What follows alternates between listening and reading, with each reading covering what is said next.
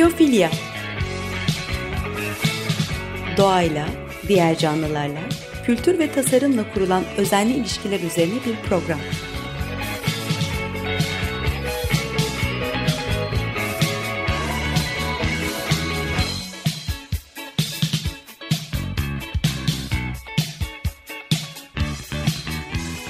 Hazırlayan ve sunan Nurhan Healer.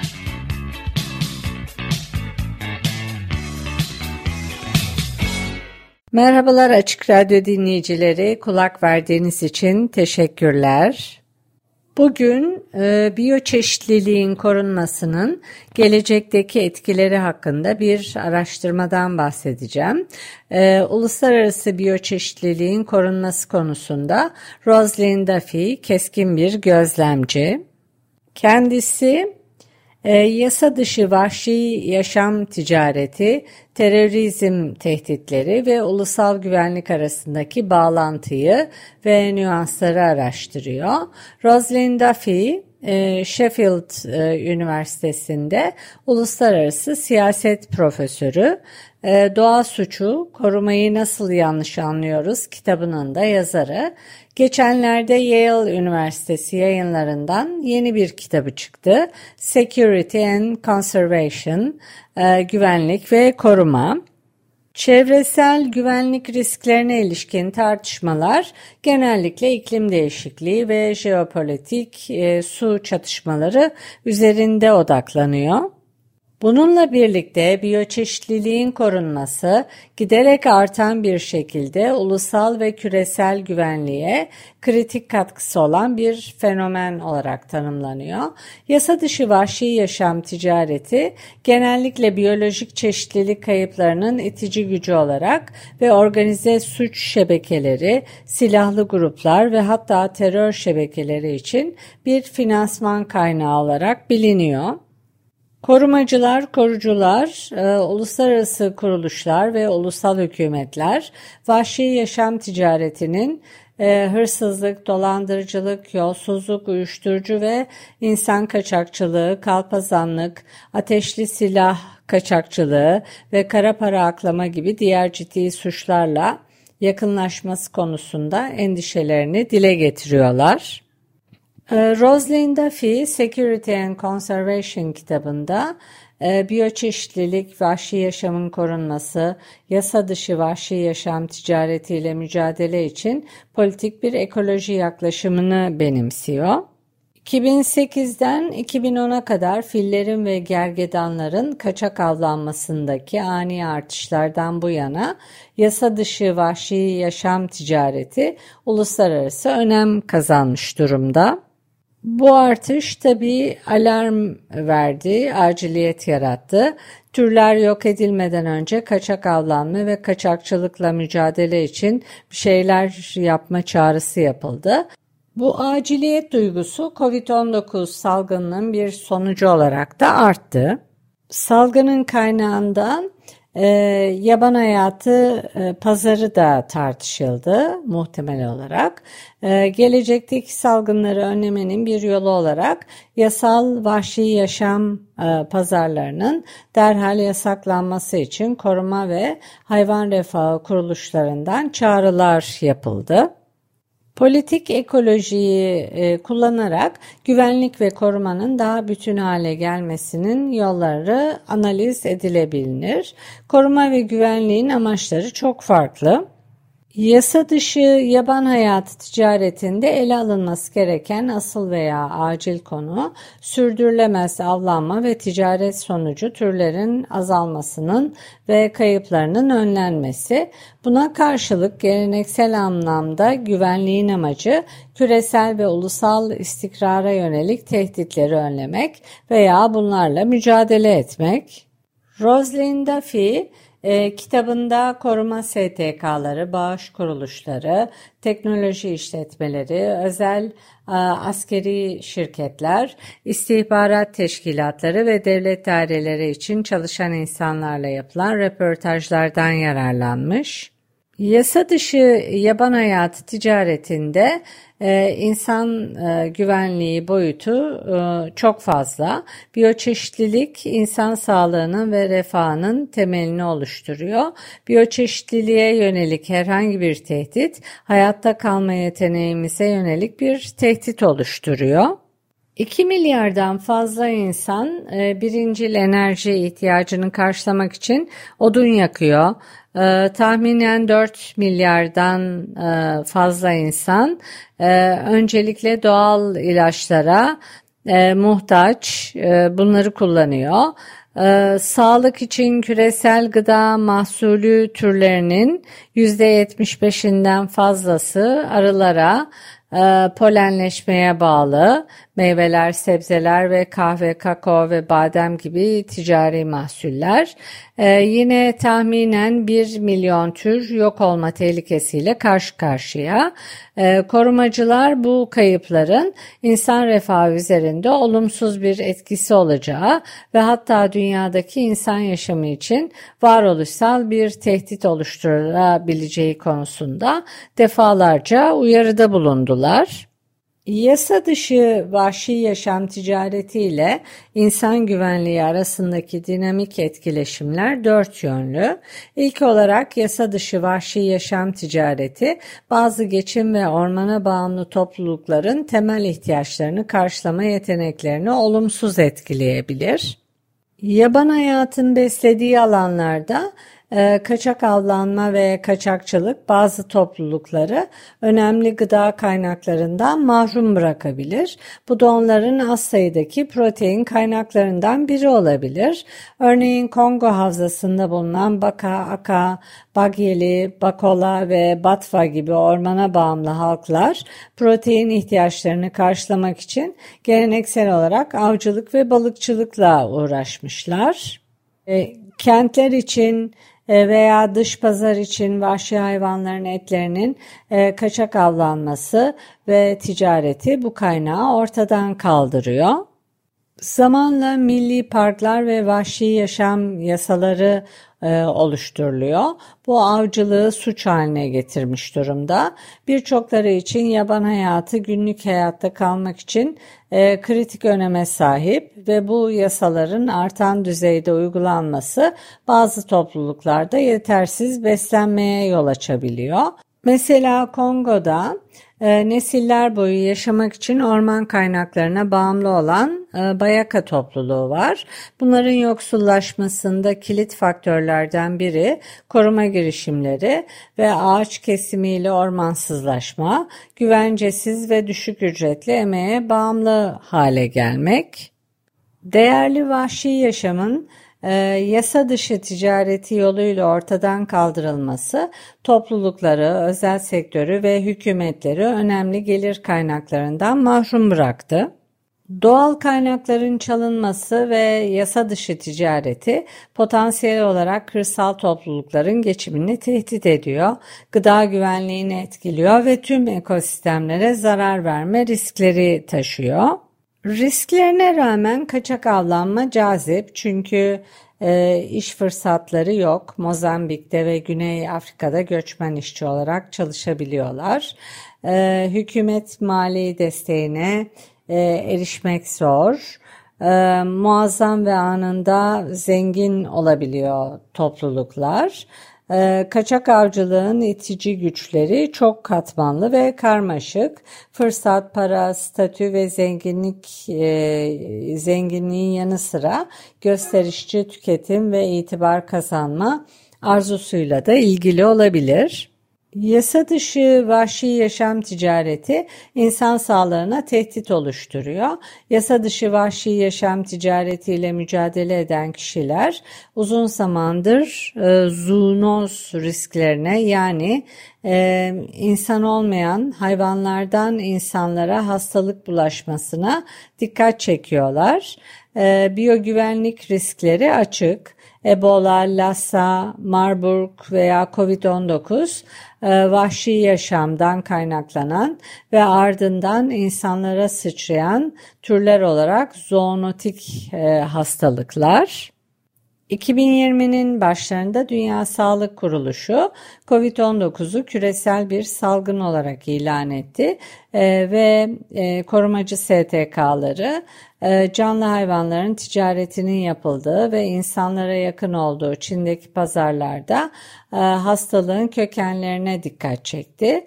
Virüsün insanlara sıçradığı kesin mekanizma henüz bilinmemekle birlikte vahşi yaşamdaki yasa dışı ve sürdürülemez ticaret hastalığın en olası orijinal kaynağı olarak düşünülüyor.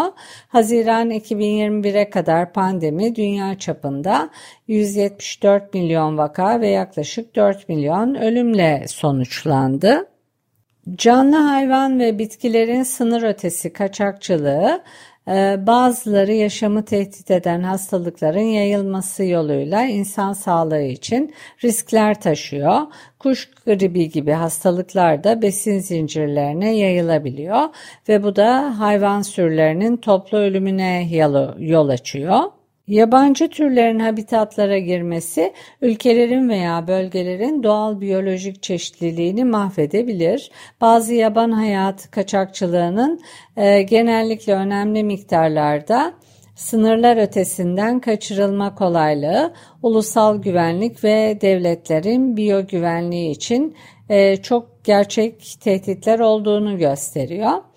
Ee, şimdi bir müzik arası vereceğiz. They Don't Care About Us'ı İbrahim Maluf yorumuyla dinleyelim. Tekrar merhaba Açık Radyo dinleyicileri. Ben Nurhan Kiyılar. Biyofilya programındayız. Müzik arası vermiştik. İbrahim Maluf yorumuyla They Don't Care About Us'ı dinledik. Ee, Rosalind Duffy ve kitabı Security and Conservation'dan bahsediyordum. Rosalind Duffy, Sheffield um, Üniversitesi'nde uluslararası siyaset profesörü. Kitabında biyoçeşitliliğin korunması, e, güvenlikle olan e, ilişkisi e, ve gelecekteki etkilerini inceliyor. Tüm bunları yaparken de politik bir ekolojik e, yaklaşımı benimsiyor. Özetle yaban hayatı ticareti hem yasal hem de yasa dışı biçimlerde önemli insan güvenliği boyutlarına sahip. Bu arada e, yabani bitkilerin yasa dışı ticareti göz ardı edilmiş durumda. Yaklaşık 5800 hayvan türü ve 30 bin bitki türü listelenmiş. Listelenen bu 30 bin bitki türünün %70'i orkide. Yasa dışı vahşi yaşam hakkındaki tartışmalarda e, ticaretin kapsamlı bir küresel ticaret olduğu kesin. Ayrıca yaban hayatı kaçakçılığıyla bağlantılı olarak düşünmediğimiz günlük sıradan ürünleri e, içerdiğini hatırlatmak önemli.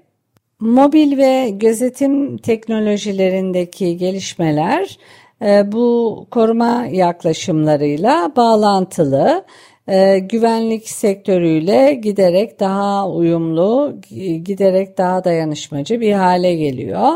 E, bunlara kamera tuzakları, uzaktan kumandalı kameralar, daha gelişmiş uzaktan algılama, korucuları takip etme sistemleri, yapay zeka, algoritmalar ve büyük veri madenciliği dahil. E, bu yaklaşımlara geçiş, jeomühendislik, karbon yakalama ve depolama, blok zinciri, büyük veri, veriyi görselleştirme ve uzaktan algılama dahil olmak üzere bir dizi çevresel kriz için teknolojik çözümlere daha geniş bir inancı yansıtıyor. Daha yaygın olarak dronlar olarak adlandırılan insansız hava araçlarının e, korumada artan kullanımı buna bir örnek.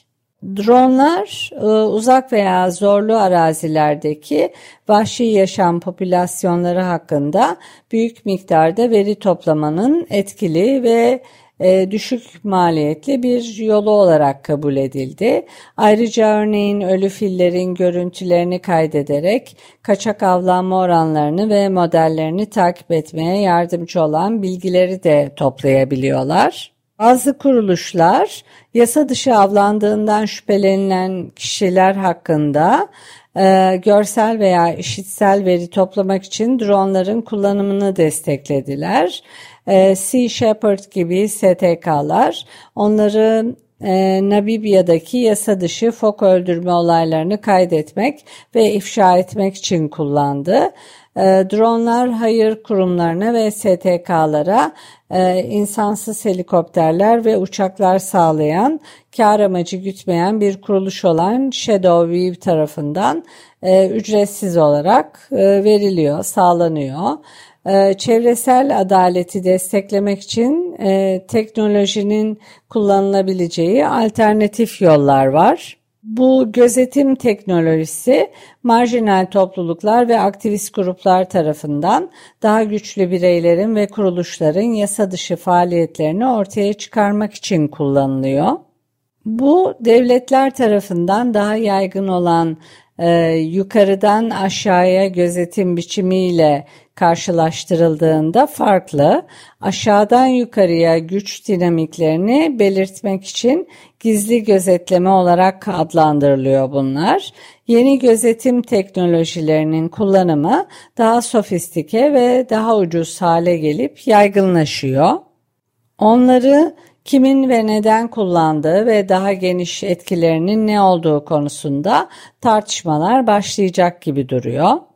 Yasa dışı vahşi yaşam ticaretiyle nasıl mücadele edileceğine ilişkin tartışmalarda hükümetler, STK'lar, bağışçılar, e, özel sektör e, yeni teknolojilere büyük ölçüde güveniyorlar e, üretilebilecek, toplanabilecek, elenecek, izlenebilecek ve analiz edilebilecek veri miktarı yasa dışı vahşi yaşam ticaretiyle mücadeleye de çok önemli. Büyük verinin, big data'nın üretilmesi, yaban hayatı e, nüfuslarının, yaban hayatına yönelik tehditlerin ve belirli türlerdeki yasal ve yasa dışı ticaretin e, seviyeleri ve kalıplarının daha verimli ve hızlı bir şekilde izlenmesi için önemli. Teknolojinin korumada kullanılması elbette yeni değil.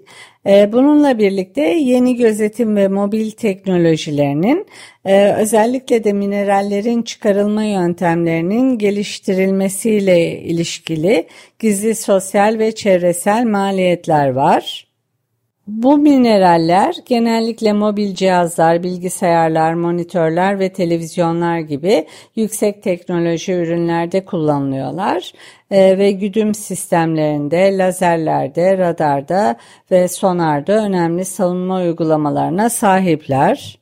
Arzın bir kısmı çatışma bölgelerinden geliyor ve bu nedenle çatışma minerali olarak da adlandırılıyor. Kötü çalışma koşullarında çıkarılıyor. Devasa sosyal ve çevresel maliyetlerle üretiliyor. Silahlı gruplar için önemli finansman kaynağı durumunda. Bununla birlikte e, çevresel sorunları çözmek için yeni teknolojiler için mineraller çıkarıldığında olumsuz e, tarafları, sosyal ve çevresel e, etkileri, yasa dışı vahşi yaşam ticaretiyle mücadelede kullanımlarına ilişkin tartışmalarda genellikle görmezden geliniyor.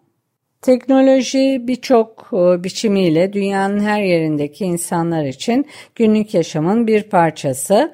Yasa dışı vahşi yaşam ticaretiyle mücadele etmek için korumanın yeni teknoloji biçimlerine yönelmesi de anlaşılabilir bir durum. Teknolojinin çok geniş bir tanımını yaparsak, bilimsel bilgilerin pratik amaçlarla uygulanmasını içeren herhangi bir şey olabilir. Ee, peki ya yeni teknolojideki artış ve bunun koruma pratiğindeki güvenlikle olan bağlantıları? Ee, koruma alanında yeni teknolojilerin kullanılmasını desteklemede bağışçıların, hükümetlerin ve özel hayırseverlerin rolleri var. Ee, büyük veri yasa dışı vahşi yaşam ticaretiyle mücadelede e, kilit bir yaklaşım olarak ortaya çıkıyor ve yasa dışı faaliyetlerin tahminine e, ve önlenmesine yardımcı olabiliyor. Günlük hayatımızla ilgili muazzam miktarda bilgi e, açık kaynak formatında mevcut. Örneğin hareketlerimiz, kimlerle etkileşime girdiğimiz, nereye para harcadığımız, nereye yatırım yaptığımız e, bu tür bilgiler kaçak avlanma ve e, kaçakçılıkta olası şüpheliler olarak tanımlanan kişilerin resimlerini oluşturmak, profillerini oluşturmak için de kullanılabilir. E, evet teknolojinin bu konuda olumlu taraflarından da bahsetmek gerekir. E, bir programın daha sonuna geldik. E, kulak verdiğiniz için teşekkürler. Edit için Açık Radyo Prodüksiyon ekibine teşekkür ederim. Bir sonraki programda görüşmek üzere. Hoşçakalın.